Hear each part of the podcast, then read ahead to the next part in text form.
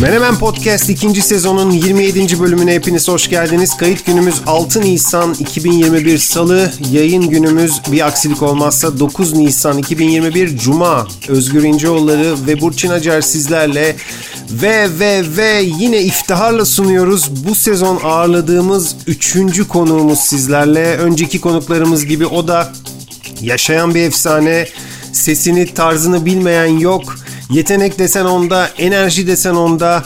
Mesleğinde Türkiye'nin en iyilerinden 6. bölümümüzde hatırlayacaksınız Hakan Tamar'ı ağırlamıştık. 10. bölümümüzde Ayça Şen'i ağırlamıştık. Onların ardından sohbet isteğimizi kabul eden ve bize katılan bir başka eski dost DJ Funky C. Funky hoş geldin. Hoş bulduk. Yo yo yo. Yıllardır dinlediğim, bildiğim hatta bir dönem rakip olarak gördüğüm programa menemene konuk olduğuma şu an inanamıyorum. Dünya nasıl değişti be arkadaşlar ya? Valla ben de inanamıyorum. Yani normalde her gün karşılıklı konuştuğumuz hatta program dışında da yani sıkça muhabbetimizin olduğu radyo partnerim, işte yol arkadaşım, e, Funky'yi konuk olarak almak benim için de çok enteresan bir şey. Bazen böyle körleşiyorsun aslında değil mi? Yaptığın işe, işte konuştuğun adama, bazen işte sevdiğin kadına hep yanında olduğu zaman bir körleşme oluyor. Galiba bendeki durum öyle bir şeydi. Her gün konuşuyorum, her gün yayın yapıyorum ama Tam da senin açılışta yaptığın gibi Özgür yani çok önemli bir değerle aslında bugün konuşacağız. Funky hoş geldin. Çok teşekkür ederim. Hoş bulduk. Burçin asıl sen nasıl hissediyorsun? Yani şu anda iki tane e, emek verdiğin partnerinle bir podcast kaydediyorsun. Senin için de farklı olmalı. Bizim için de farklı değil mi? Biz Özgür'le Burçin'i paylaşanlar olarak buradayız. Sol taraf bende. İkinize farklı özelliklerimle şey yapmaya çalışıyorum. Yoldaşlık yapmaya çalışıyorum. Hakikaten enteresan olacak benim için. Ha bu arada biz mesela şeyi de konuştuk Özgür'le bir bir sonuca varamadık. Ben sana genelde tabii ki funky diyorum. O benim için bir alışkanlık. Ama mesela Özgür için herhalde sen Cem'sin aslında veya senin çevrende de sana çok Cem diye hitap eden var. Ben hatta bazen şaşırıyorum. Niye bu kadar insan Cem diyor diyorum. Ha, sanki herkes funky demeliymiş gibi hissediyorum. E, sence nedir bunun şeyi yani doğrusu ben funky Özgür Cem derse falan bu böyle bir karmaşık bir durum yaratacak mı? E, yaratmayacak çünkü birçok insan Cem olduğumu da bilmiyor. Yani onlar sadece funky olarak tanıyorlar. Bir de e, bu lakap böyle öne geçti. Hani belki de atıyorum teenage o gençlik yaşlarımda olmasaydım daha böyle atıyorum 25 ve üzeri bir yaş olsaydım belki DJ Funky C ismini kullanmazdım. Yani Aa. E tabii ki yani şu an olgunlaştıktan sonra 50 yaşıma geldim. Herkes hala funky diyor yani. Daha belki bir oturaklı yaşıma uygun bir lakap bulabilirdim diye düşünüyorum ama o graffiti'nin, rap'in vermiş olduğu o işte James Brown'ların, Rick James'lerin dinlediğim müziğin etkisi ve baktım ki bana en çok hitap eden bu funk dediğimiz müzik. Oradan yola çıkarak Cem'in C harfi işte C, funk, funky, funky ile C uyuyor. Funky C, DJ Funky C öyle kendi kendine oluşu verdi ve üzerime yapıştı ve kurtulamadım. Yani hala da böyle funky C Cem Nadiran kendi ön, e, adımın önünde gidiyor. Çünkü o da profesyonel bir mesleki karar oldu yani istemeden de vermiş olduğum bir karar oldu. O zaman doğrusu. başa dönsen mesela şimdi o kararı verme yetkisine sahip hissetsen bir ya Funky C ismini değil Cem Nadiran'ı mı kullanırdın? Ya şimdiki aklın olsaydı. Şimdi DJ'lerde öyle bir akım başladı. Hmm. Şimdi bütün DJ'ler kendi isimlerini kullanıyorlar. Şu anda lakap yok. Hatta mesela Avicii ile falan ya da Tiesto ile bu Hollanda kökenli menajerlerle falan hep bir araya geldiğimiz için bu röportajlar için DJ Funky C dediğim zaman aa that's an old school name çok old school bir isim. E çünkü ben old school bir adamım ama ben gerçekten 80'li yıllardan çıkmış ve o DJ'lik dediğimiz o dönemin ilk başladığı an itibariyle onu e, benimsemiş bir adamım. Ya o yüzden adım da aslında yaptığım işle bütünleşiyor ama yeni nesille baktığımız zaman herkes yerli yabancı yani Türkiye'de de bu böyle artık isim soyad olarak o DJ'leri değerlendiriyorlar. Keşke öyle yapsaydım çünkü mesela dijital dünyada büyük sıkıntı yaşıyorum. Bir yerde Funky C yazmış, bir yerde DJ Funky C, bir yerde DJ Funky tırnaklı C, bir yerde tire Funky C, bir yerde slash Funky C. Ben 7-8 ayrı sanatçı olarak görünüyorum dijital dünyada ve bugüne kadar yaptığım belki 60 küsür tane şarkı hepsinin telifleri dağılmış durumda. Çünkü tek bir çatı altına toplayamadım onları. Bu da bir sıkıntı benim için açıkçası. Bizim için bir tane Funky C var. O da sensin. Ah teşekkür ederim. Benim için de bir tane menemen var. Efsane onu söyleyeyim. Valla sahne ismini de seviyoruz. Seni de çok seviyoruz. Mesleğinde Türkiye'nin en iyilerinden birisisin. Üstelik DJ'ler arasında kendi e, soyadın gibi nadir olan bir özelliğe sahipsin. Çünkü hem radyo DJ'yi olarak hem de bir kulüp DJ'yi olarak e, işini çok iyi yapıyorsun. Şimdi e, seni tanımayan, bilmeyen yok ama e, birazcık e, işin ve kariyerin dışında da seni tanımaya çalışacağız. O yüzden böyle biraz gerilere gideceğiz e, Funky. Böyle biraz çocukluk hikayene gidelim diyorum. Nasıl bir çocuktun mesela? Nelere ilgi duyuyordun? Ee, bir kere müzikle büyüdüğüm için herhalde bazı çocukların gelecekteki meslekleri ne olacak ve yaşamları nasıl olacak biraz ipucu veriyor olabilir. Ben e, bir yaş itibariyle sürekli o eski tip bildiğimiz o düğmeli tuşlu radyolara olan ilgim, plak çalarlara olan ilgim, genel evin içinde ailem de çok müzik seven bir e, annem babam müzikle yaşayan bir çift oldukları için onların hepsi e, bana bir şekilde geçti. Ben onu hazmettim. Bir de e, sonuçta Amerika'da büyüdüm. E, babam askerliğini yapmak için Türkiye'ye döndüğünde annemle tanışıyor. Hatta askerden annemi görmek için kaçtığı için falan askerliği uzuyor. 3 sene askerlik yapıyor. E, düğün gecikiyor falan filan evleniyorlar. Biz Amerika'ya gidiyoruz. O dönem hep müzik var ve Amerika'da yaşadığımız dönem Türkiye'deki müziği de plaklarla takip ediyorduk. Babamın Türkiye'den bir şey ister misiniz sorusuna tek cevabı fark etmez. En son çıkan 10 tane 20 tane plak varsa onları yolla bana. Bunların içinde Muazzez Ersoylardan tut, Ajda Pekkanlara, Barış Mançolardan, Cem Karacalara, Neşe Karaböceklerden, Orhan Gencebaylara, Zeki Mürenlerden, Bülent Ersoylara ve o plak arşivi şu an bende. Hatta bazı mesela Nilüfer albümü Nilüfer tarafından ve Kayahan tarafından Reşit abimize diye imzalanmış olarak duruyor hala bazıları. Onlar benim için babadan kalma bir takım e, şeyler ama babam sonuçta Amerika'ya döndükten sonra hep hayatında e, Amerika'da işte belli bir seviye bir hayata bir paraya ulaşıp tekrar Türkiye'ye dönüp Türkiye'de rahat bir yaşam sürmekti. Bizim de yaşlarımız böyle 16-17'ye gelince Amerika'daki e, durumlar biz New York'taydık. Sert bir şehir, sert bir ortam. İşte sokaklardaki e, bu çeteler olsun, gang olsun bu hip hop'un patlamasıyla insanların sokaklarda ölüyor olması, benim okul lisedeki arkadaşlarımın silah sonucu yaralanıyor olması, kaç tane e, cenaze törenine gittik falan bunlar hep böyle bazı etkiler yarattı. Hangi yıllarda onu bir söyler misin? Yani bu bahsettiğin hangi dönem yani yıl olarak da söyler misin? Tam böyle insanlar kafası... 82-86 arası. 82-86 arası. O, o dönem zaten daha 90'lar o West Coast, East Coast olayı başlamamışken hip hop Run DMC sayesinde böyle bir işte Walk This Way falan rap dünya listelerinde boy gösteriyor. Bir hız kazandı ve sürekli çıkan isimler vardı ve bunun arkasındaki mentalite de sözlerde de müzikte de hep işte e, kendini korumak, ne kadar üstün olduğunu göstermek, onu ezmek, ondan daha iyi olmak. Yani o gangsta ve sokak serseri kafası yani bu müzikten yaşadığımız hayata da yansıdı, okuldaki sınıfa da yansıdı.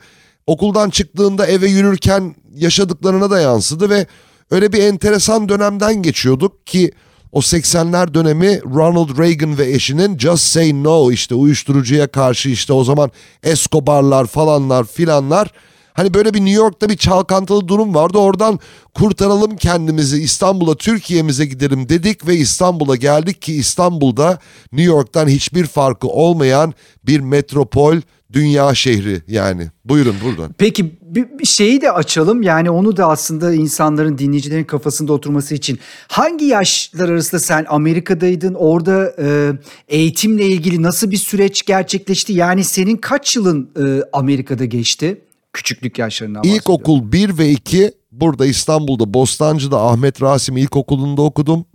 İkinci sınıfı bitirmeden Amerika'ya gittim e, Türkçe eğitimden İngilizce eğitime geçtiğim için İngilizce konuşabiliyordum ama okuma ve yazmada çok zayıftım. Hiç unutmuyorum özel bilingual yani birden fazla dil konuşabilen öğrenciler için özel kurslar ve özel sınıflar vardı. Ben oralara gidip İngilizceyi çözerek başladım. Sonra lise sona geldiğimde biz bu 16-17 döneminde Türkiye'ye geri dönme kararını aldık. Ne oldu bu sefer? Türkiye'ye döndük sene 1987. Ben lise son öğrencisi olmam gerekiyorken Türkiye'de marif eğitim sistemi benim işte Türkiye'deki okullara ayak uyduramayacağımdan dolayı beni 3 sene lise 1'e attılar. Ve o zamanlar Kadıköy Anadolu Lisesi İngilizce eğitim yapıyor diye beni belki de Türkiye'nin en zor ve en detaylı eğitimini veren liseye yolladılar ki biz Amerika'da daha ikili sayılarla çarpma bölme falan yapıyorduk. Çok böyle rahat bir okuma hayatımız varken Türkiye'ye bir geldik. Kosinüs, mosinüs, cebirler, fizikler, kimyalar falan. Ben böyle hani nere, neye uğradığımı şaşırdım. Hiçbir şey anlamıyorum derslerde falan. Ki nitekim iki sene kaybetmeme rağmen ilk deneyimimde sınıfta kaldım okulda. Ama işte o sporcu yönüm, o müziğe olan ilgim, o dönem Anadolu Lisesi'nin kalecisi olmam, Fenerbahçe ile maç yapmamız, benim Fenerbahçe'nin yıldız seçimlerinde e, kadroya alınmam. O zamanlar Burçin hatırlar dört parmaklı Lukovcan adında bir kaleci vardı. Mesela gazetelerde benim yazılarım çıktı. Lukov, Lukovcan'a Amerikalı yedek kaleci geliyor falan filan. Ki ta işte sakatlanana kadar e, sakatlıklardan sonra e, futbol oynayamamak ama hep içimde top oynamak vardı. Hep milli takım kalecisi olmak vardı. Çok samimi söylüyorum. Eğer ben hani o Fenerbahçe serüvenim olsaydı o Lukovcan falan filan ben böyle bir takıma girseydim ne Rüştü ne de Volkan hiçbirini şu an konuşuyor olmazdık söyleyeyim Ama yani. Ama bir şey söyleyeceğim. Ben senle aynı sahada oynadım. Bizim Merter'de Power FM'in bayağı büyük bir çim sahası vardı. Evet. Hakikaten çok iyi kaleci. Yani mesela şu an bana sorsan Özgür işte hayatında unutamadığın kaleciler sivil hayat sivil hayat ne demekse işte yani normal hayatta Funky'yi kesinlikle sayarım. O yeteneği olduğunu da çok çok net gördüm.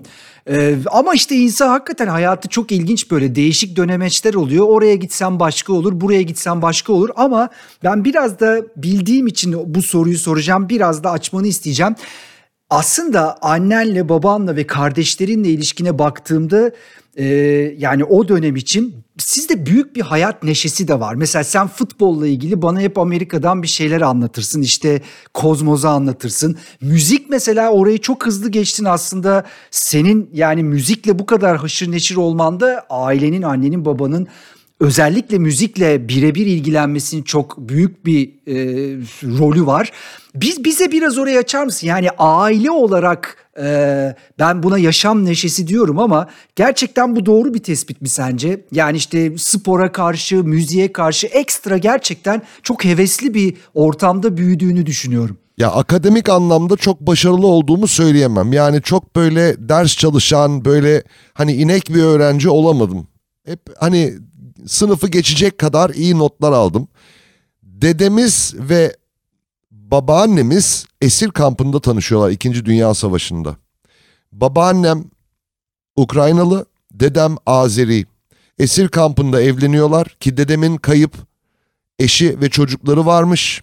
O esir kampından çıktıkları zaman bir şekilde İtalya'ya gidiyorlar. Babam İtalya'da doğuyor. Sonra Mısır'da Kral Faruk bakıyor İtalya'da Müslüman rehineler var. Orada esir kamplarında yaşayanlar var. Mısır'a gidiyorlar. Halam Mısır'da doğuyor. Bir şekilde Türkiye'ye geliyorlar, Türkleşiyorlar ve o dönem Türkiye'den Amerika'ya iltica eden ve Amerika'daki bu Türk-Azeri birliğini kuran ilk Azerilerden biri benim dedemmiş. Bizim Amerika serüvenimiz o 2. Dünya Savaşı onun esir kampında bir mülteci olmasıyla başlıyor. Şimdi Azerilerde siz de bilirsiniz her evde mutlaka bir enstrüman çalan bir aile ferdi vardır. Müzikle çok içli dışlılar. Melodileri, tınıları, müzik enstrümanları, işte akordiyonlar, balabanlar.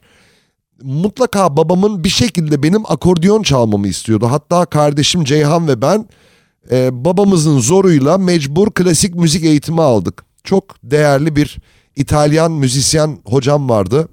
İtalya'da dünya şampiyonu olmuş bir akordeon virtüözü diyeyim Mario Balestra.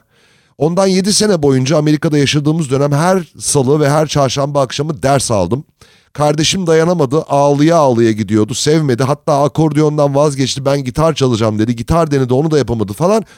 O profesyonel milli bir basketbolcu oldu kardeşim Ceyhan. Ben ama çok sabırlı ve gerçekten içimde peygamber sabrı var galiba.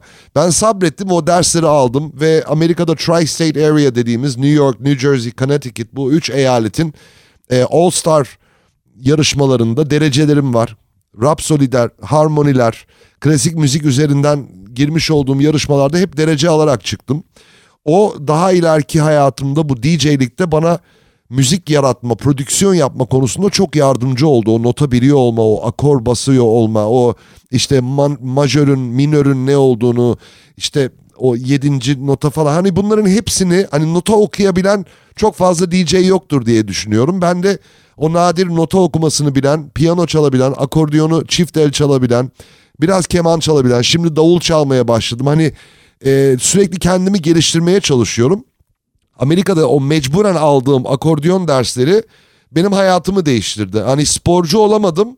Madem sporla bir şey yapamadım yine akademik olarak bir şey hani bir elektrik mühendisi olamadım. Bir ziraat mühendisi olamadım. Bir atıyorum makine mühendisi olamadım. Ben müzikle ilgili bir radyocu oldum. Bir müzik adamı oldum. O da hiç isteyerek olmadı. Ben hiçbir zaman Burçin sen de bilirsin konuşmak istemedim. Ben scratch yapayım, müzik yapayım, DJ'lik yapayım. Hani benim olayım müzikle ilgiliydi. Bu konuşma ve mikrofona çıkma olayı çok sonradan hayatıma girdi ama bir girdi çıkmadı bir daha yani. Baksana 30 senedir kitlendik kaldık böyle. Ben bir özet yapayım. Şöyle Amerika'ya gidiyorsunuz ailevi sebeplerden dolayı. New York'ta yaşıyorsunuz. E, Funky sen ikinci sınıfta gidiyorsun. Lise sona doğru dönüyorsun. Sonra Kadıköy Anadolu'ya giriyorsun. E, Amerika'da ilginç bir şekilde basketbola değil futbola ilgi duyuyorsun. Futbolunu geliştiriyorsun. Kaleci oluyorsun ve bu arada tabii hip hop müziğe, müziğe daha doğrusu ilgi duyuyorsun. Müzikte başarılar elde ediyorsun. Şimdi sorum şu. Birazdan e, meşhur e, senin Power FM'e e, yaklaştıran yarışmaya geleceğiz ama şunu sormak istiyorum. Şu an geriye bakınca ya keşke Amerika'da kalsaymışız dediğin hiç oluyor mu? Olmuyor. Türkiye'ye döndüğümüz o dönem o benim iki sene kaybedip lise son mezun olmam gerekirken lise 1'e dönmem. Lise 1'de sınıfta kalmam. Beni bayağı bir psikolojik olarak etkiledi. Bir de dünyam değişti. Bir de 88 senesindeki Türkiye ile şu andaki Türkiye ve bu dijital dünya her şeyin elimizin altında olması şu anda çıktığın zaman X bir alışveriş merkezine gittiğin zaman her markayı bulabilmen, her şeye ulaşabiliyor olman en kötü ihtimal eğer şu an İstanbul'da yoksa online her şeye ulaşabildiğim bir dönemde yaşıyoruz ki o zaman Türkiye'de daha McDonald's yoktu. Hani çok kötü bir örnek belki bu söylediğim ama o zamanki Türkiye ve kılık kıyafet olsun, tarz olsun, Türkiye'deki gençlerin yaşadığı Avrupa etkisi, benim Amerika'da gördüğüm ve yaşadığım bambaşka bir şey. O beni biraz bunalıma soktu ki nitekim bu bunalım benim 17-18 yaşında baba olmama kadar gitti. Hatta burada liseyi bitirdikten sonra e, o dönem beraber olduğum sevgilimin hamile kalması üzerine e, Türkiye'den İngiltere'ye gittim ve İngiltere'de yaşadım bir dönem. O İngiltere'de yaşadığım dönem hiç ne Power FM ne DJ'lik hiçbir şey yoktu hayatımda.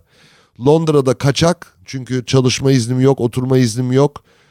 İşte kız hamile kaldı diye biz de delikanlılık yaptık. 18 yaşındayım sahipleniyorum onu falan bırakmıyorum benim çocuğumsun falan filan böyle bir moddayken İngiltere'ye gidiyorum orada sürekli plak alıyorum.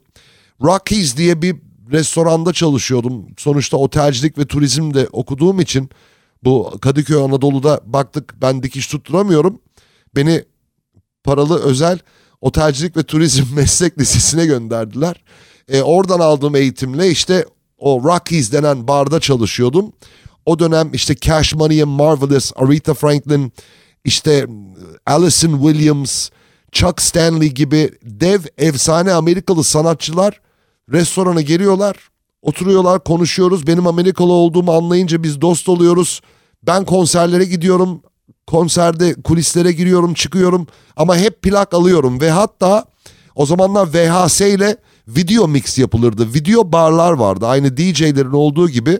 Sadece görüntülü her yerde o tüplü televizyonların olduğu işte o dönemin hit şarkılarının çaldığı videolar dönerdi. Ben hatta restoranda servisi bırakıp zaman zaman o VHS'lerin başına gidip insanları eğlendirdiğimde baya bir orada da bir rüzgar estirmiştim.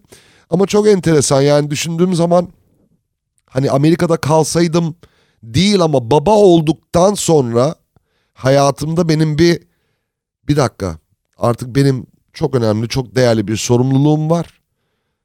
Ben hiçbir zaman ne zaman nerede kaldığımı işte nerede trak orada bırak olmadım. Her gece her iş sonrası evime döndüm kızıma döndüm. O beni çok çizgimde tuttu. Çünkü yaşadığımız hayat ve bir anda girdiğimiz bu işte sahneler, show business, bu eğlence dünyası insanın bazen başını döndürebiliyor. Bunun örneklerini görüyoruz. Ben hiçbir zaman kendimi kaybetmedim. Her zaman nerede olduğumu, kim olduğumu, nereden geldiğimi hep hatırladım. Bozmadım kendimi en azından ben öyle düşünüyorum.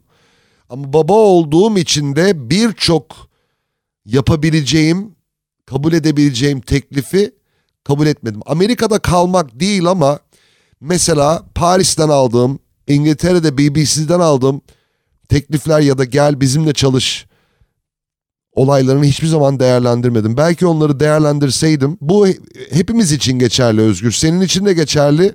Burçin için de geçerli. Biz ne kadar emek veriyoruz, ne kadar uğraşıyoruz bu programları yapmak için, güncel kalmak için, o insanların ilgisini duyabilecek olayları bulup onlara anlatıp sıkmadan yayın yapıp konuşmak kimse konuşma dinlemek, reklam dinlemek istemiyor. Herkes her şey hızlı hızlı geçiyor artık.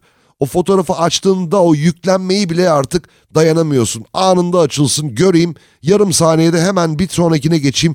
Böyle tüketip attığımız bu dönemde ben bir tek işte acaba BBC'ye gitseydim İngiltere'de kim var? Mesela Howard Stern örneği mi vereyim? Yani radyocu böyle gerçekten yıllarını vermiş Wolfman Jack aklıma gelmiyor böyle efsane radyocular öyle bir şey olabilir miydim diye hep kafamda bir soru işareti var açıkçası. Bir tek mesela o Paris ve İngiltere'den aldığım tekliflere hayır demem ve kızımla birlikte Türkiye'de Power FM'de bulmuş olduğum doğru yolu bozmamak kafamdaki tek soru işareti. O zaman Power FM'e geçmeden şeyi söyleyeyim. Benim senin hakkında en az bildiğim dönem bu İngiltere dönemi. Yani biraz Amerika dönemini biliyorum, Türkiye dönemini tabii ki biliyorum, şahidim ama İngiltere dönemi hakkında çok fazla bilgim yok ama sonuç itibariyle de hep şöyle de arada sırada sana da söylemişimdir.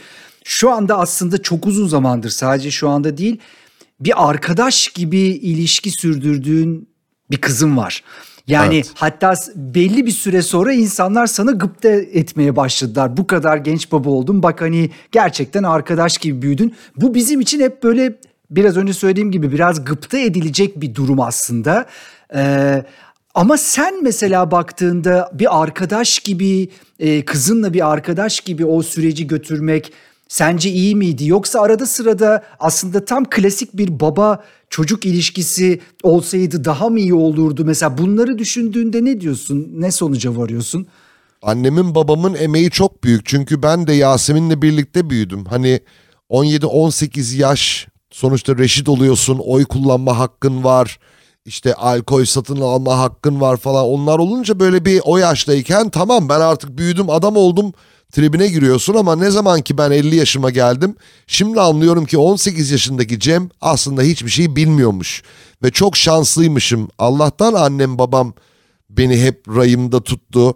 Çünkü dediğim gibi ben Yasemin'e kötü bir baba olduğumu düşünmüyorum ama çok daha iyi bir baba olabilirdim dediğim çok zaman var. Çünkü beraber büyüdük. O arkadaşça büyümemizin de bana çok büyük faydası oldu. Çünkü güvenebileceğim en yakın insanım kızım oldu.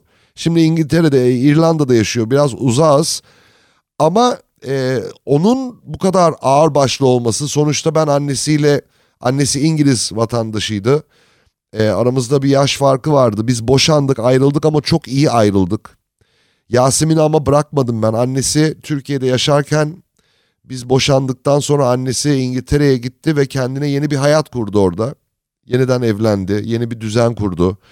Yasemin annesiyle ilgili zaman zaman içi buruk bir takım duygular hissetmiştir. Hani annem beni nasıl bıraktı gitti çünkü e, sonuçta 7 yaşı itibariyle Yasemin tek başına İngiltere'ye annesine gitti gördü. İşte her Noel, her sömestr, işte her yaz tatili o anne ilişkisi bozulmasın diye biz de ailecek bir de sonuçta Melanie ile aram o kadar iyi ki bir de dünya tatlısı bir insan. Ee, ben kızının kendisini tanıması ve Yasemin'in hayatındaki o anne figürünün mutlaka olması gerektiğine inandım ve hep destekledim görüşmelerini, bir araya gelmelerini. Ee, Yasemin bizim boşanmamızla ilgili, benim hayatta yaşadıklarımla ilgili sahne tozu yutmuş bir çocuk diyebilirim. Çünkü küçüklüğünden beri onu her yere, her konserime, performans ya götürebileceğim yerlerin hepsine götürdüm. O çok küçüktü o BBG evleri falan filan onların partilerinde çalıyordum, ediyordum. Çok mutlu oluyordu o televizyonda gördüğü tipleri orada bir anda kuliste yanında oturuyorlar ediyorlar falan. Ve bunlar da Yasemin'in olgunlaşmasında ve bir takım şeyleri daha farklı değerlendirip tartıp biç ölçüp biçmesine neden oldu. Mesela Yasemin'in çok kıskandığım bu Massive Attack'ten tanıdığımız Tricky ile bir dostluğu, arkadaşlığı var. Benim kızım burada e, Taksim'de Tricky konserine gidiyor ve tanışmak istiyor, fotoğraf çektirmek istiyor. Gidiyor imza alıyor, bilmem ne yapıyor falan. Tricky numarasını veriyor o numarasını veriyor ve yıllardır konuşuyorlar ve Tricky ne zaman İstanbul'a ikinciye üçüncüye gelse Yasemin'e mesaj attı ve biz beraber Tricky dinlemeye gittik. Yani babadan kıza geçen ve böyle doğal bir şekilde oluşan gelişen bir bir şey oldu ama Yasemin'in olgunluğu ve onun ben mesela daha çocuksuyum. Beni mesela zapt etmesi daha zor ama Yasemin beni de kontrol edebiliyor yani. Hem çok iyi dostuz hem benim danışmanım gibi yani ben ona akıl danışıyorum çoğu zaman ve o bana doğru yolu gösteriyor yani. O yüzden kızımla gurur duyuyorum. Onu çok seviyorum. Keşke burada olsaydı. Benim kaba hesabıma göre Yasemin 80'lerin sonunda doğmuş olmalı değil mi? Yani 89. 89 evet. pekala. Ondan sonra birkaç sene sonraya gidelim mi eğer e, anlatacağım bir şey yoksa Tabii. Funky? Çünkü 1993 yazı senin için enteresan bir yaz. E, o yaz e, Power FM'in DJ yarışmasına giriyorsun. E, çok iyi hatırlıyorum. Ben de Power FM'de o dönem asistanlık yapıyordum. Kısa bir dönemde olsa ve e, o yaz görmüştüm Funky'yi ilk, ilk kez. Yarışmacıydı. DJ yarışmasının finalistlerinden bir tanesiydi. Ve o dönemin İstanbul'daki en büyük, en güzel kulüplerinden bir tanesi olan Paşa'da finale kalmıştı. Ve orada inanılmaz bir performans e, gösterip Power FM'in e, yılın DJ'yi seçilmişti. 1993 yazı. 1993'ten bu yana 28 yıl geçmiş. Şimdi soruyorum sana. E, nasıl bir bağlılıktır bu? Bağlılık değil. Ben geçen gün onu düşündüm. Yani para versen bir insana her gün bir saat, bir buçuk saat şu cihazların başına geçip müzik çal yaptıramazsın. 2, 3, 5 sıkılır insan yani. Hani bu e, efor isteyen ve gerçekten eğer sevmiyorsan çok zor yapacağım bir şey yani. Aman deyip ki yani bir saatlik bir kayıt yapmak evet zaman zaman bana böyle zulm gibi geliyor. Ay nasıl çıkaracağım bir saati falan. Ama yine yapıyorum yani ve onu hatasız yapmaya çalışıyorum ve o o zamanı o emeği veriyorum çünkü o artık benim bir parçam olmuş. Ben ona ekstra bir şey olarak görmüyorum. O yüzden e, Burçin'le radyo programlarımızı yaptığımız zaman ben onu sanki hani para karşılığı yaptığım bir iş değil. O benim yapmam gereken ve benim severek yaptığım ve benim yapmış olduğum bir şey. Yani doğal geliyor bazı şeyler hani öyle anlatabiliyorum. Peki şeyi biraz e, açmak istiyorum bu yarışma kısmını. Şimdi bilmeyen için şu anda çünkü günümüzde yarışma dediğimiz şey işte televizyonda izlediğimiz bazı formatlar var. Sosyal medyada bir takım yarışmalar var ama Özgür'ün biraz önce o anlattığı şey gerçekten dinleyicisiyle, izleyicisiyle, yarışma süreciyle yani o oldukça şaşalı, zor bir süreç aslında. Bize o yarışmaya yani nereden haberin oldu, nasıl katıldın, sonra o sahneye nasıl çıktın o kısmı biraz özetler misin? Yani insanlar gerçekten kafalarında sen yarışma deyince ne canlandırmaları gerektiğini bir anlasınlar istiyorum. Bize o, o süreci bir anlatsana. O siyah kurdele radyoların kapandığı dönem öncesi Power FM yeni yayına başlamıştı ve dinlediğim radyolar arasında Power FM dikkatimi çekti. Özellikle Hakan ve Musti'nin Kırmızı Işık programı akşamları böyle bir efektleriyle böyle bir Amerikan hissi wow. Çünkü hani Türkiye'de TRT radyosunu dinlediğin zaman biliyorsun dong saat 8. Şimdi radyo tiyatrosu. Hani böyle bir o TRT sunumu, TRT disiplini o daha böyle bir ne bileyim ciddiyet ve resmi geliyordu. Power FM bir başladı. Aa kendimizi bulduk. Hem yeni müzik çalıyor hem bildiğimiz bir de Türkiye'nin kendine öz mesela bizde Long Train Running işte I Will Survive falan bazı bizim Türklerin klişe böyle vazgeçmediği şarkı hani onlar da var yeni şarkılar da var rap de çalıyor falan böyle Power FM'i dinlerken DJ yarışması dediler. Ve o zaman internet mi internet falan olmadığı için gerçi internetin böyle ilk adımları atılıyordu o dönem ama öyle online başvuru falan yoktu yani. Katılmak istiyorsan yarışmaya Vakkoramalara gidip mağazanın içine girip kasadan katılım formunu alman gerekiyordu elinle. Ne yaptık biz babam ben Ceyhan kardeşim atladık arabaya Taksim'e gittik Taksim Vakkorama'nın içine girdik. Wow akvaryum gibi bir Stüdyo içeride böyle bangır bangır müzik çok güzel işte hediyelik eşyalar kılık kıyafet moda vakko falan filan.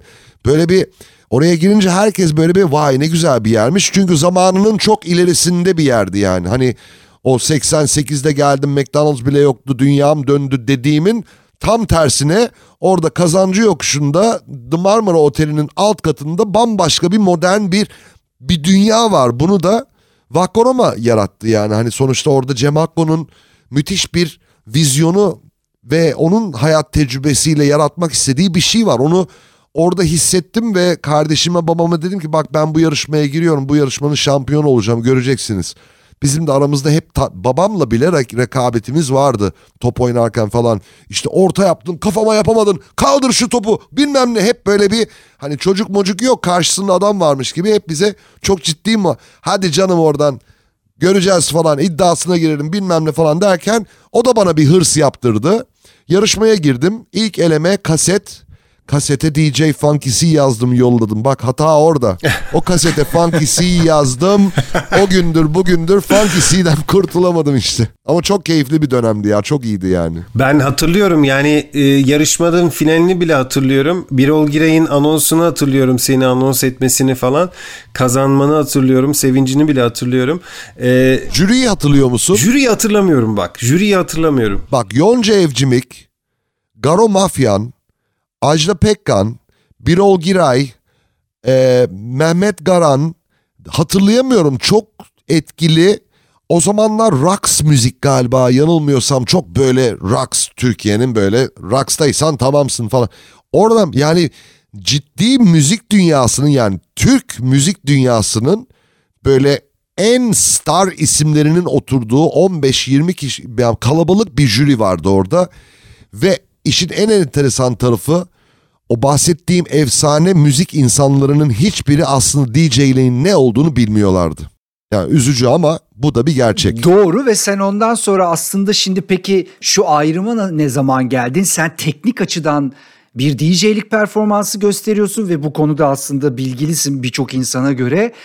Ama radyoya giriyorsun. Radyoda da tabii ki senin club çekim başlangıcı ve ilk dönemlerde yine bu yeteneğini sergiliyorsun ama bir de artı olarak Özgür'ün başta söylediği konuşuyorsun. Yani MC'lik tarafı ayrı bir de radyo DJ'liği tarafı ayrı. Bu bence zaten seni özel kılan ve birçok insan arasında yıllardır seni hep o özel yerde tutan en önemli şeylerden bir tanesi bu. Yani hem çalıp hem konuşabilen ama bunu hem MC'likle hem de bir radyo disipliniyle yapabilen benim tanıdığım tek adamsın. O, o noktaya nasıl geldin? Yani o evrimi nasıl geçirdin? Ben o kısmı da merak ediyorum. Yani çalan bir adamdın.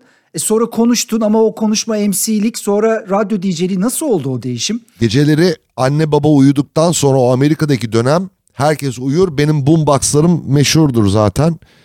E, bunun kadar büyük değil ama bir küçük boyunu yatağın içine yorganın içine girip kulaklıkla hani kimse uyanıp uyu artık demesin bana diye. Çünkü benim dinlemek istediğim DJ'ler gece 23 itibariyle başlardı.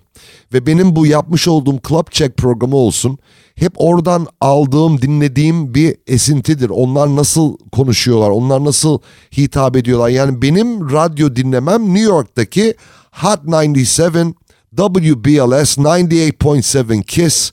Mesela o benim çocukluğumda efsane diye bakıp böyle hayallerimi süsleyen o Chuck Chillout adındaki DJ yıllar sonra mailleştiğim ve Türkiye'ye gelmek için hadi babacım ayarla geleyim diyen bir adam oldu.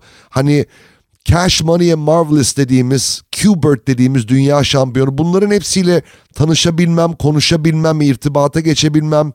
Power FM ulusal bir radyonun bir kişiliği olduğum için onların beni adam yerine koyması ve bana cevap vermesi bunların hepsi beni yani gururlandıran ve gönlümü okşayan şeyler. Ee, rap sevdiğim için dinlediğim beatlere hep içimden kendimce okulda breakdance yapıyorduk.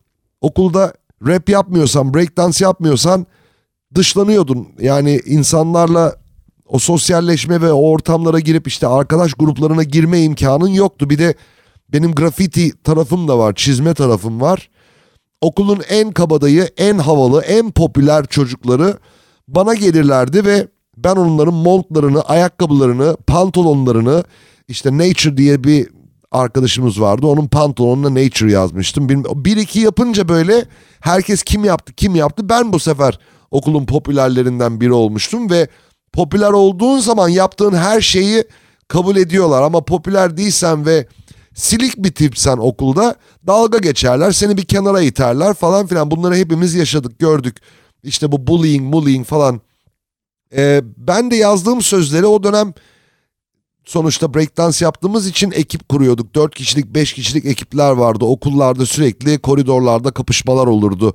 Ee, yönetimin okul idaresinin düzenlediği breakdance yarışmalar oldu. Bunlara katıldığın zaman illaki hem dans ediyordun hem bir yerde bir rap yapıyordun. Oradan çıktı o rap olayı aslında. Bir de çok seviyordum. Yani rap ben rock dinleyen birisiyken düşün e, e taşındık okul değişti.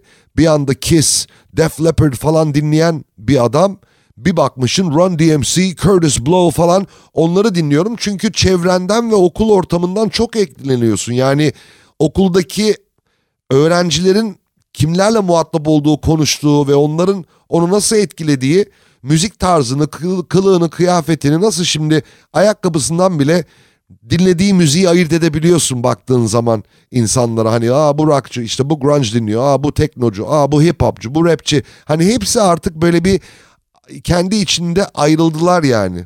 Ben hepsini benimsedim ve hepsini çok sevdiğim için bana çok doğal geldi. Ekstra bir efor sarf etmedim çünkü ne rap yapmayı düşündüm ne radyoda konuşmayı düşündüm ama hem rap yapıyorum hem yıllardır radyoda konuşuyorum. Nasıl oldu ben de şaşırıyorum. 1993 yılında Power FM'in yarışmasını kazanarak Power FM'e girdin.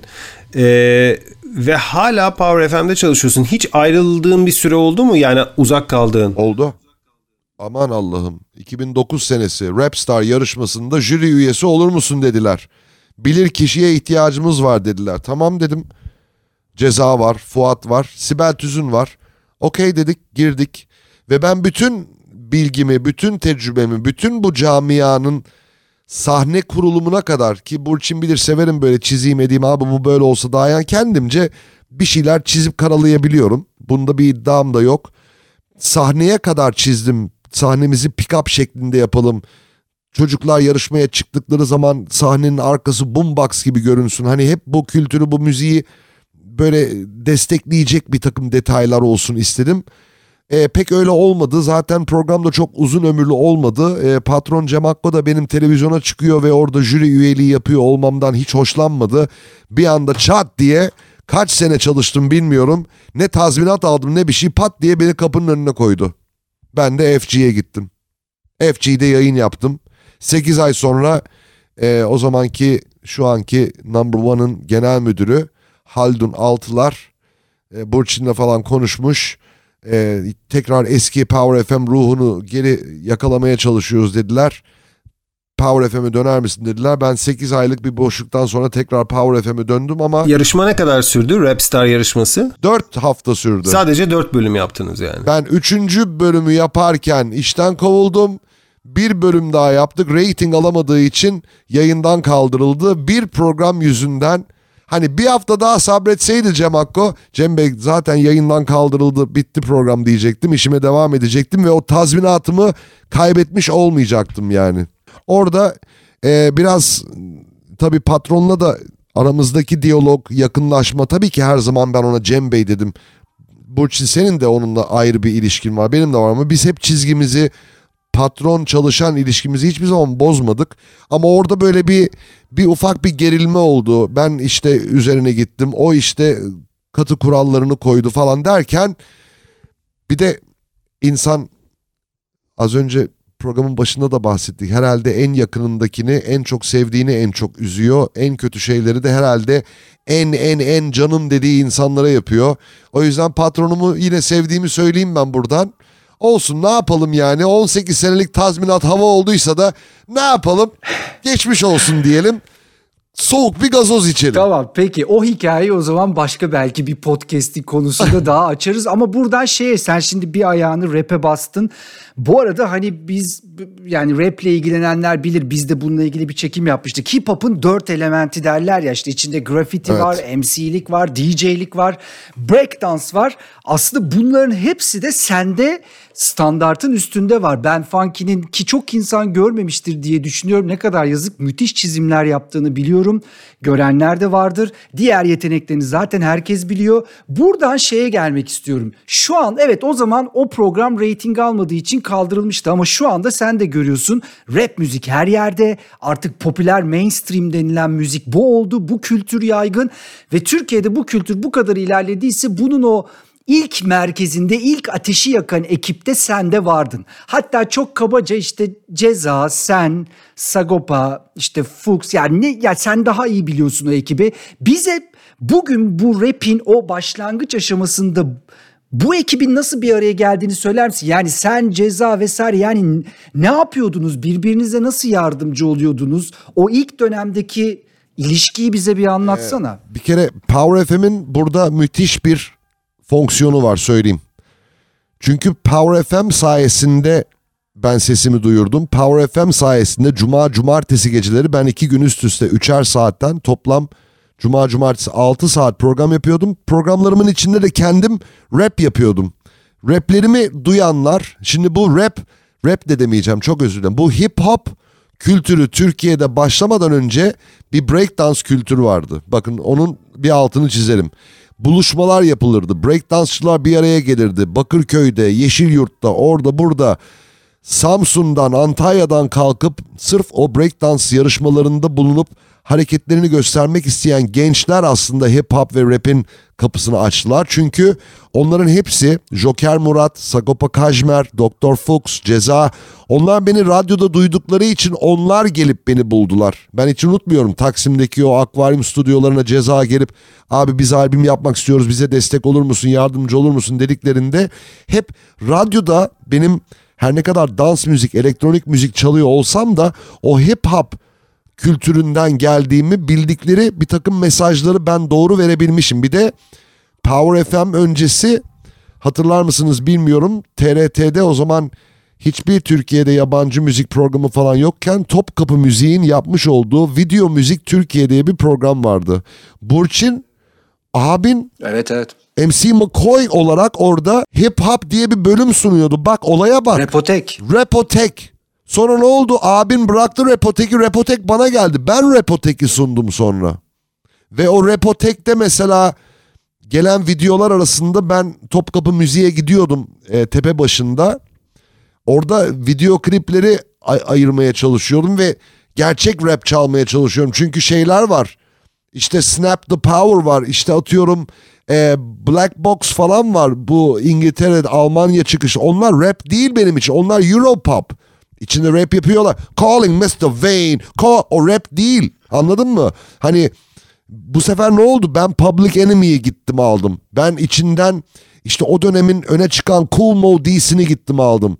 Neydi? CeeLo'ları gidip aldım. Hani harbiden o Amerika rapini tanıtabilecek isimleri oraya koyduğumda işte orada ceza görmüş Public Enemy, Fight the Power That Reach falan. Bir anda o şarkı mesela cezayı yakalamış. Ceza rapçi oldu. Ceza o programı seyredip hayatımı değiştiren program diye bahsettiği Repotek'ten sonra Taksim Vakkoroma'da Power FM stüdyolarında beni buluyor. Altyapılar yaptım. Ceza askere gitti. Onların Nefret diye bir grubu vardı. Sonra ceza askerdeyken Fuchs diğer eleman geri döndü. Fuchs'a bir albüm yaptık. O çıktı. Sagopa Kajmer geldi. Dokuz Canlı Canavar geldi. İsimler sürekli değişiyor. Bu arada kartelden işte Kabus Kerim'le konuşuyoruz. Yani böyle Power FM stüdyolarına gelen kartel ekibi, kartel tabi tam rapçiler. Ben de o rap camiasını biliyorum. Cem Cemina'ya konuk oldular. Ben bana da konuk olur musunuz? Hani asıl rapçi benim burada falan derken bana böyle hareket çektiler falan. Ne oluyor falan? Orada bir gerginlik stüdyo. Vakkoroma kapalı, bütün ışıklar kapalı. Biz böyle koridorlarda falan o bana laf atıyor. Ben ona böyle tam hip hop'un o West Coast, East Coast şeyini biz kartelle Power FM stüdyolarında yaşadık. Ama hepsiyle güzel dostluklarımız oldu ve iyi ki onları yaşamışız. Çünkü bak Ezel gibi, Murda gibi şu anda Ben Fero gibi işte Bunny, Benny Sparrow kimdi o Mary Jane falan yani bir sürü isim çıktı ve bu isimler belki radyolarda televizyonlarda yoklar ama Spotify'a stream dünyasına baktığın zaman bizim Burçin'le dudaklarımız uçukluyor bu detayları paylaştığımız için. Mesela 2019 pandemi 2020 pandemi Türkiye'nin bir numarası Ezel. Nerede Ajda Pekkan? Nerede Demet Akalın? Nerede Kenan Doğulu? Nerede Tarkan? Baktığın zaman bu büyük dev megastar dediğimiz isimler bir ezel kadar bir murder kadar tıklanamıyor. İşte Cardi B'nin dediği çok doğru bir şey var. TikTok gerçek, TikTok sokak, TikTok halk. TikTok'ta ne dinleniyorsa dünyanın müzik zevki o abi. Peki bu kadar güzel bir başlangıç şu anda bu saydığın isimlerin hepsi başka taraflarda kimi kimle kimiyle konuşmuyor farklı işte ekollerde nasıl? Peki ondan evet. sonra niye bu iş buralara geldi? Yani bu doğal bir süreç mi? Dünyada da böyle mi? Var tabii ki örnekleri ama niye Türkiye'de bu bu duruma geldi bu iş? Bu isimler niye ayrıldı birbiriyle birbirleriyle? Ceza ve Sagopa Kajmer fındık kabuğunu bile doldurmayacak bir nedenden ayrıldılar. Yani o son damla aslında çok belki basit bir damlaydı ama onun öncesinde yaşananlar, gelişen o son noktaya kadar ki işte kadın erkek ilişkileri olsun, stüdyo içindeki buluşmalar olsun, kimin evine gidip şimdi sonuçta herkesin aynı imkanı yoktu. Benim evimde stüdyo vardı. Sagopa'nın Kajmen'in evinde stüdyo vardı. Ee, hiç unutmuyorum Kadıköy'de yine bir stüdyo daha vardı gidip çalıştığımız. Ee, bazı isimler vardı ve bu isim o zaman da teknoloji yok, internet yok, bu kadar bilgisayarlar yok ki düşün bu bahsettiğimiz dönem biz hala işte o makara hmm. Top 40 countdown'larımızı falan makaralarla kaydediyorduk. Daha DAT mini disk bile çıkmamıştı o dönem. Hani Mac falan böyle hayaldi diyeyim sana. O dönem güzel şeyler çıkarttık ortaya ama e, tatlı rekabet bir yere kadar tatlı oluyor. Sonra bunu sonuçta dev fenomen isimlerde de gördük. O tatlı rekabet işte şaka kaka oluyor dediğimiz odur galiba. Biz de onu yaşadık Türkiye'de ama önemli olan süreklilik ve devamını getirmek. Bunu yapanlar var ama sürekliliğini ve devamını getiremeyenler olduğunu da görüyoruz. 2021 yaz dönemi ne gösterecek bize? Hani Ezel Murda çok iyi gidiyor ama Ben Fero yok oldu.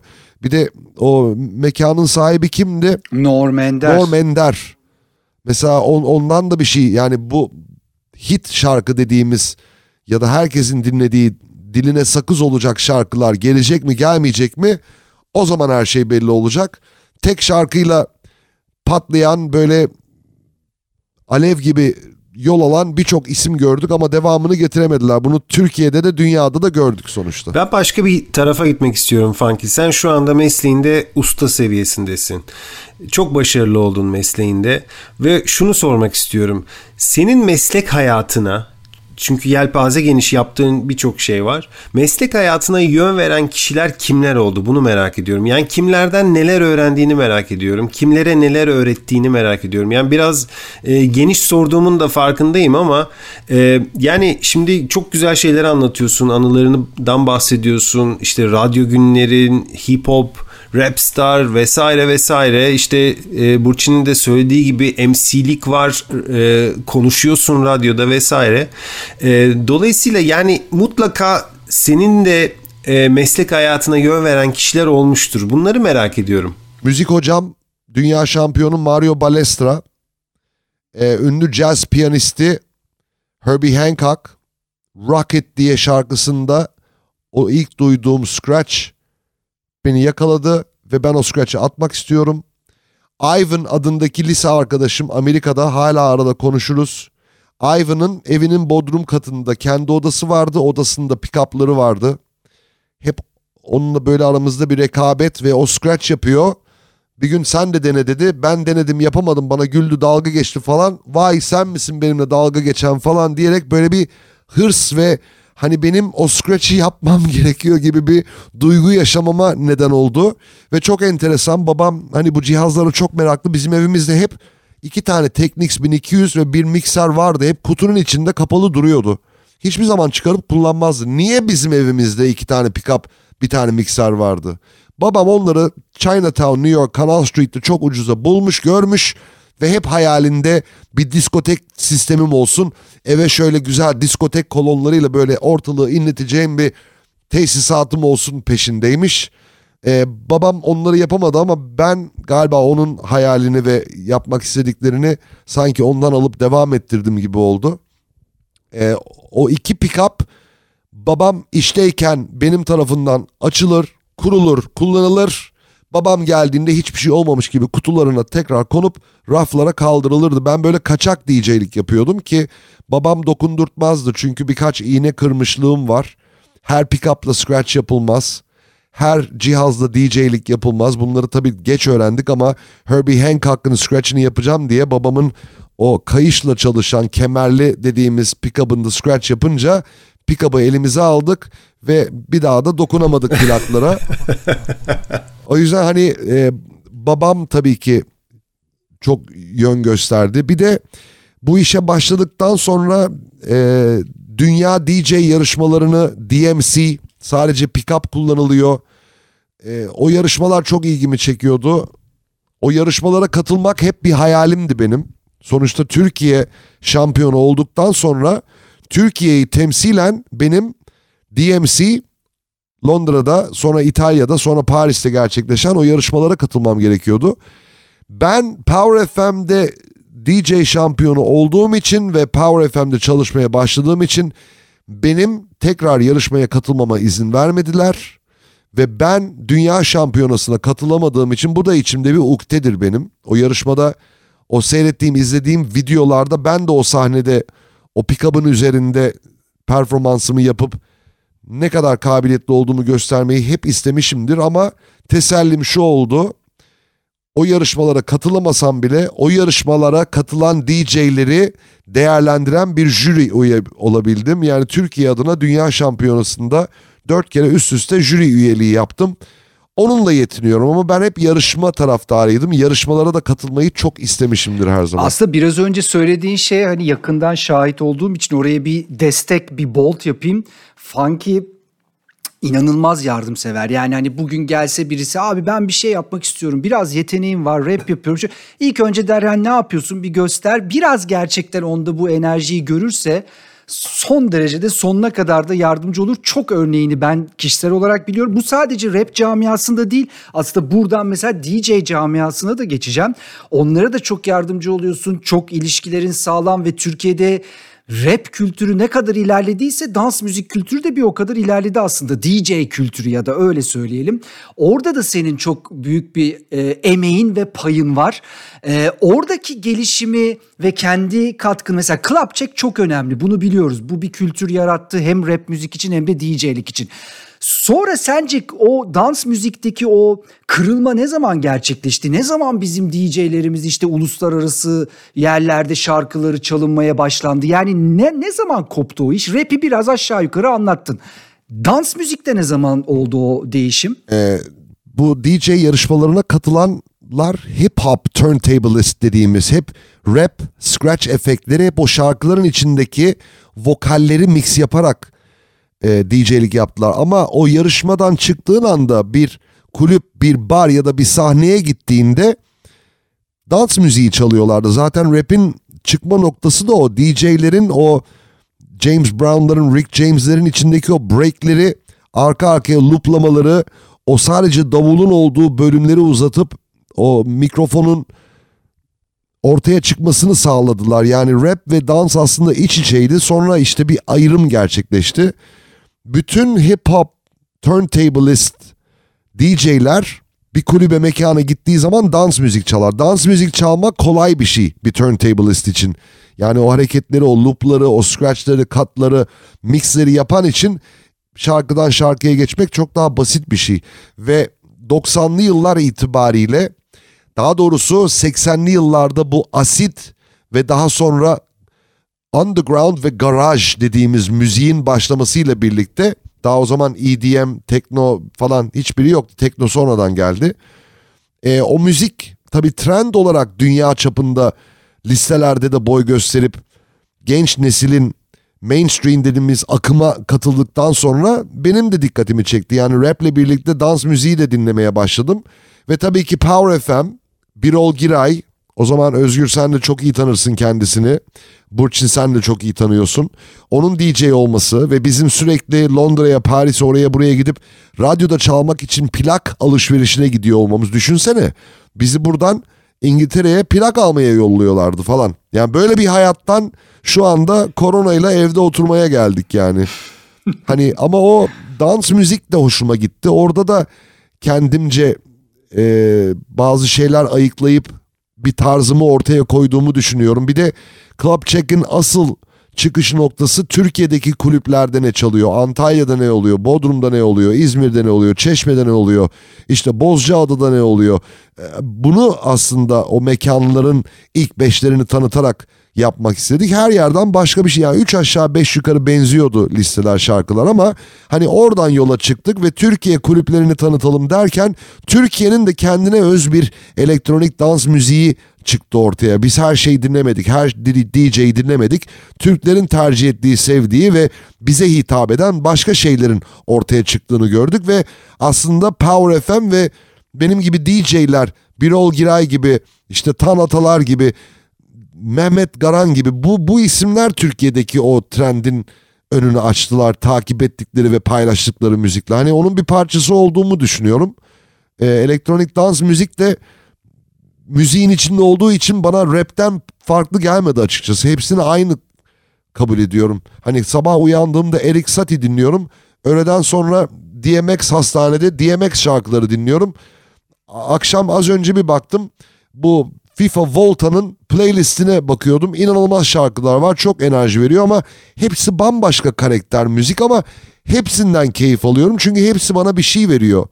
Hepsi mesela biz chat zone yaparken acaba bed olur mu? Burçin bunun üzerine ne anlatabilir diye düşünüyorum ve böyle bir arşiv oluşturuyorum kendime. Her dinlediğimi not alıyorum. Hard diske atıyorum bir şekilde. Hepimiz yapıyoruz herhalde bunu. Az önce Burçin çok güzel bir şey söyledi senin için.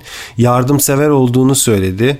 Ee, ben de şimdiki sorumda şuna gelmek istiyorum. Radyo, kulüp ve müzik dünyasını düşündüğün zaman bu sektördeki insanları nasıl değerlendirirsin? Yani senin gibi yardımsever olduklarını mı düşünürsün yoksa e, tam tersi birbirlerini rakip olarak mı görürler? Birbirlerine destek olurlar mı? Ne dersin bu konuda? Hepimiz karşımızdaki insanı kendimiz gibi görüyoruz yapıyoruz galiba. Her zaman da en büyük hatayı burada yapıyoruz. Çünkü e, kıskançlık yok bende. E, kendimle rekabet ettim. Hep hep kendimi daha iyi mesela yine bir video çektim. Koydum içinde sürekli hatalarımı görüyorum. Halbuki bırak yani yapmışsın olmuş bitmiş artık hani o oraya gitti artık takma kafana falan. Yani ben e, iyi niyet olduğunu düşünüyorum ama haksızlığın çok olduğunu düşünüyorum ve bazı insanların hakkının yendiğini çok gördüm. Bu konuyla ilgili benim hep çok mücadelem oldu. Ben her zaman herkesin yaptığı o projedeki bulunan isimlerin mutlaka değerini görmesini istedim. Ben hiçbir zaman birinin bir şeyini alıp üzerine Cem Nadiran yazıp paylaşmak istemedim. Yani o ne olacak şarkımızda bile Burçin'in bana yazdığı bir mesajdan yola çıktık. Ama mesela şarkının içinde Burçin Acer sözde adının olmasını istedim. Çünkü o mesaj bir anda şarkı sözü oldu. Hiç belki şarkı diye düşünmedi ama şarkılar böyle çıkıyor ortaya işte. Bir arabada yağmur yağarken sileceğin o çıkarttığı vik vik vik ses bile bir melodi, bir şarkı, bir söz çıkartabilir sana. İnsanlar e, başkalarının emeğini kendininmiş gibi gösterdiği zaman bu beni en çok rahatsız eden şey oldu. Bunu çok gördüm. Hatta geçenlerde bu Ghost Production işte insanların para verip benim diye sattığı, tanıttığı şarkıları bizim Burçin'le yaşadığımız bazı deneyimlerimiz var yayında. Hani sıfır diye şarkı çalıyoruz yeni ilk defa çıktı diye. İşte Rusça bir şarkı çıkıyor karşımıza şazamladığın zaman 5 sene önce kaydedilmiş. Ama işte insanlar sonuçta bu hataları düşüyorlar. Bence herkesin inandığı, bildiği ve yaptığı şeyi yapması lazım.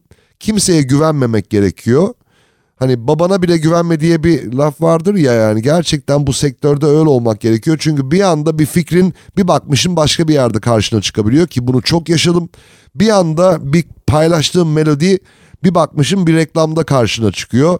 İnsanlar bunu hiç düşünmeden yapıyorlar. Belki de kötü bir niyetle yapmıyorlar. Yine iyi ipsar bakıyorum ama e, bu piyasada biraz piyasanın kurdu olmak gerekiyor ki ayakta kal hakkın yenmesin ki birçok genç yetenek, birçok çok yetenekli insan kaybolup gitti bu şekilde. Ve ona çok üzülüyorum mesela. Birçok insanın hakkı yendi. Ben hak yenmesin, gitarı mı çaldı, adı yazmalı, parasını almalı, bütçesi nedir, kaşesi nedir? Bir gitar, bir session geldiği zaman bir buçuk saat müzik çaldığı zaman ne kadar alıyor? 10 lira mı?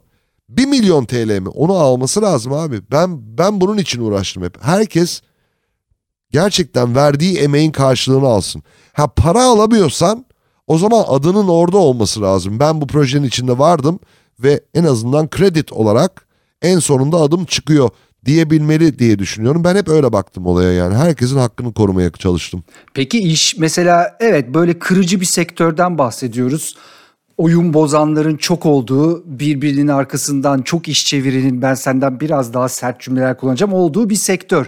Belki futbol sektörü de böyledir. Biz içinde olduğumuz için bunları yakından biliyoruz. Peki değişiyor mu? Senle de beraber takip ediyoruz.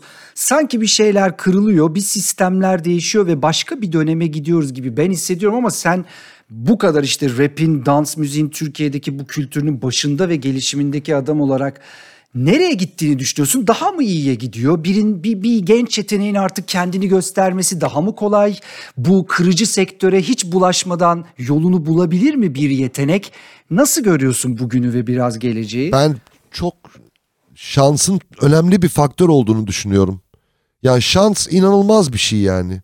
Hani J Balvin'in Los Angeles'ta bir Noel partisine davet edilmiş olması ve Justin Bieber'ın o Noel partisinde orada olması ve J Balvin'in ayağındaki Jordan ayakkabının yani Justin Bieber'ın dikkatini çekmesi ve orada onların konuşması Justin Bieber'ın bir tane şarkıda ona yer vermesi ve J Balvin gibi Latin dünyasının bir efsane isminin ortaya çıkması bence şans.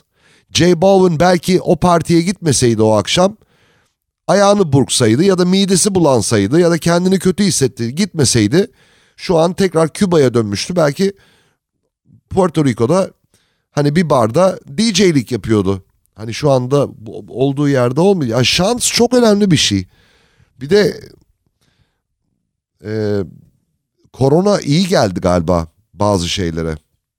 Çok kötü bir şey geldi. Yani insanoğlunun başına gelen en kötü hastalıktan bahsediyoruz. Bu pandemi, eve kapan falan filan ama bazı değerleri anladık. Ee, Birçok kişi tek başına bir şey yapamadığını gördü ve yardıma desteğe ihtiyacı olduğunu gördü. İşbirliğinin, anlaşmanın ve birlikte çalışmanın yani uyum sağlamanın ne kadar önemli olduğunu gördük. Şimdi çok acayip isimlerin bir araya gelip ortak çalışmalara uzaktan da olsa, online da olsa işler yaptığını görüyoruz. Ee, bazı değerlerimizi fark ettiğimizi düşünüyorum. Ee, şarkı sözü olarak kötü gittiğini düşünüyorum ama e, ilişkiler ve bu fair play anlayışının geliştiğini düşünüyorum. Hani Cardi B şarkılarını düşündüğüm zaman söz yazma olarak çok bir ileri gidemedik ama en azından 90'lı yıllardaki işte sana sıktım, onu öldürdüm, eşini aldım, ayağına taş bağladım, köprüden attım. O, o sözler bitti mesela. Daha daha sekse biraz. Sekse girdiler ama o da çok argo ya yani tercüme bile edemeyeceğimiz sözler evet. yazılıyor. Hani enteresan bir dönem ama iyiye gidiyor diye düşünmek istiyorum. Yani bu dijital dünya, bu para dağılımı sonuçta albüm satamıyorlar, CD satamıyorlar. Kimse o şeyi yaşamıyor artık. O CD'nin naylonunu açamazsın, krize girersin kapağını açmak için bıçak bulursun, jilet bulursun, açarsın. Sonra kapakçığı açarsın böyle güzel güzel tek tek o sayfaların içinden geçersin. Onların hepsi bir değerdi ve bunları artık yaşamıyorlar. Bunu şu anda Instagram'da Nicki Minaj'ın poposunu görüyor. Okey diyor.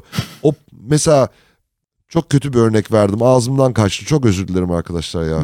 Ya olsun Nicki Minaj'ın söyledikleri yanında hiçbir şey değil bizimki. Gayet naif. Ama Nicki Minaj denince de poposu geliyor aklıma benim. Ne yapabilirim? Şimdi ikiniz de bunca yıl boyunca tabii DJ'lik, radyo programları, televizyon programları, sunuculuklar falan filan o kadar güzel e, tarihiyle değerlendiriyorsunuz ki konuları. Yani en baştan alıyorsunuz, son örnekleri veriyorsunuz. Dolayısıyla benim burada katılmam biraz güç oluyor size. Dolayısıyla e, teşekkür ediyorum bu kadar yılı böyle baştan beri değerlendirmek Bizi dinleyenler için de eminim çok eğlenceli oluyordur. Sonlara doğru evet. da geliyoruz aslında. Ee, şöyle bir soru soracağım. E, Funky C'yi dediğim gibi ben ilk 1993'te tanıdım. E, hala çok genç duruyor. Yaşını hiç göstermiyor. Enerjisi yüksek. Bunun için bir şey yapıyor mu? E, yani bu kadar yıl nasıl bu kadar dinç kalabiliyor onu merak ediyorum. Bir özel bir formülün, sihrin, bir reçeten var mı? Enerjimi tamamen müzikten alıyorum. Onu net söylüyorum. Sevdiğim müzikleri çaldığım, dinlediğim zaman arabada müzik dinlemekten çok keyif alıyorum. O bana inanılmaz bir enerji veriyor. Böyle bir arabadan atlamamı isteği uyandırıyor benden. Ee, ama bu ameliyat oldum ya ben. 143 kiloya kadar çıktım. Burçin o dönemimi çok iyi biliyor. Belki aa sen de gördün. Evet, evet. Evet Burçin baba olduğunda hastanede seninle görüştüğümüzde ben yaklaşık 140 kilo falandım. Şu an kaçsın? Şu an e, 74 kiloyum. Yarısına düşmüşsün. Yani bir ameliyat oldum hayatım değişti. Hem ömrümü uzattım hem iç organlarıma iyilik yaptım hem hayatımdaki e, asitli içecekler gibi kötü alışkanlıkları çıkarttım. Çok daha sağlıklı besleniyorum. Çok tatlı yiyebiliyorum. Kilo almadığım için acayip böyle mesela bu hafta sonu bir tepsi Antep fıstıklı baklava yedim ve hiç rahatsız olmadım. Kilo da almıyorum. Herkes çok dikkat ediyor. E, o ameliyatın bende olumlu bir reaksiyon oldu ki bu ameliyatı olan birçok kişi yine kilo aldılar. E, mide ufaltma, mide küçültme ameliyatı oldum ben. Tüp mide ameliyatı deniyor buna. E, 100, 143 kilodan 63 kilo vererek e, 75 kilolara düştüm ki 80'i hala bulamıyorum. Yaklaşık 2 senedir kilo almak için uğraşıyorum. Kilo alamıyorum ama e, daha az uyuyorum. Daha çok enerjim var. Daha çok çalışıyoruz. Evde kal dönemi daha çok iş oldu. Daha çok YouTube videosu, daha çok set, daha çok prodüksiyon, daha çok yayın. Ne bileyim onlar beni ayakta tutuyor. Bana enerji veriyor. İyi ki e, radyocu olmuşum. İyi ki böyle güncel ve her gün bir efor isteyen bir şey yapıyorum. Çünkü o beni hiç bırakmıyor. Ben hiçbir zaman kendimi salıp böyle koltukta oturayım, bütün gün dizi seyredeyim, kitap okuyayım moduna geçemedim. Hep yapmak durumunda olduğum bir şey olduğu için o beni hep şeyde tutuyor. Böyle nasıl diyeyim zinde tutuyor yani aparttayım yani hep böyle hazırım atlamaya hazırım yani. Ya ben o zaman sona geldik baştaki şeyi tekrarlayayım. Sende de senin tanıdığım aile üyelerinin hepsinde de o yaşam enerjisi var. Yani bu nedir tam nereden çıkar hiç bilmiyorum. Mutlaka bilimsel bir şey vardır ama ya mesela Funky ile bir yurt dışına gitmek paha biçilmez bir deneyim Özgür. Yani onu söyleyebilirim. Çok fazla o deneyimi yaşadım. Müthiştir. Yani orada kurduğu diyaloglar her memleketten insanla, her dilden, kültürle. Yani bu sadece Türkiye içinde değil dışarıda da böyle o enerjiyi çok defa şahit oldum. O yüzden e, yani o temel bir hayat enerjisi var. Bence hepimizden de uzun yaşayacaktır. Ama bu uzun yaşama evresinde sana son soru olarak şunu soracağım. Bu kadar şey konuştuk. Sen de bazı şeyleri hatırladın tekrar. Şimdi mesela dönseydin bu 20'li yaşlardaki Cem Nadiran'ı görseydin ne öğüt vermek isterdin? Yani neyi yap ya da neyi yapma derdin? O ikinci evliliğini sakın yapma derdim. bir, kafadan söyleyeyim. Büyük hata, nasıl öyle bir hata yaptım bilmiyorum. Şu an kendisi de dinliyorsa selam olsun. Kaçıncı podcast'ı bu? Mesaj atayım. Dinle podcast'ı diye. ya aman aman. ee, e, şey derdim. Yine o BBC dönemine o Glastonbury'e falan rahmetli Emre Kuytu ile gittiğimizde orada Lenny Kravitz'le tanıştım. Blondie ile tanıştım. Deborah Harry ile konuşma fırsatımız falan oldu. Emre e, e, Emre Kuytu'yla yemek sırasına girdik tepsimizde. O ne diyorlar? Tabldot mu diyorlar ona? Hani herkese aynı. Abi bir baktık yanımızda Michael Stipe, R.E.M'in vokali falan onunla böyle ayaküstü sohbet. O dönem tanıştığım ve You should come to London. Londra'ya gel. Mutlaka stüdyoları ziyaret et. Ki BBC stüdyolarına gittim Londra'da.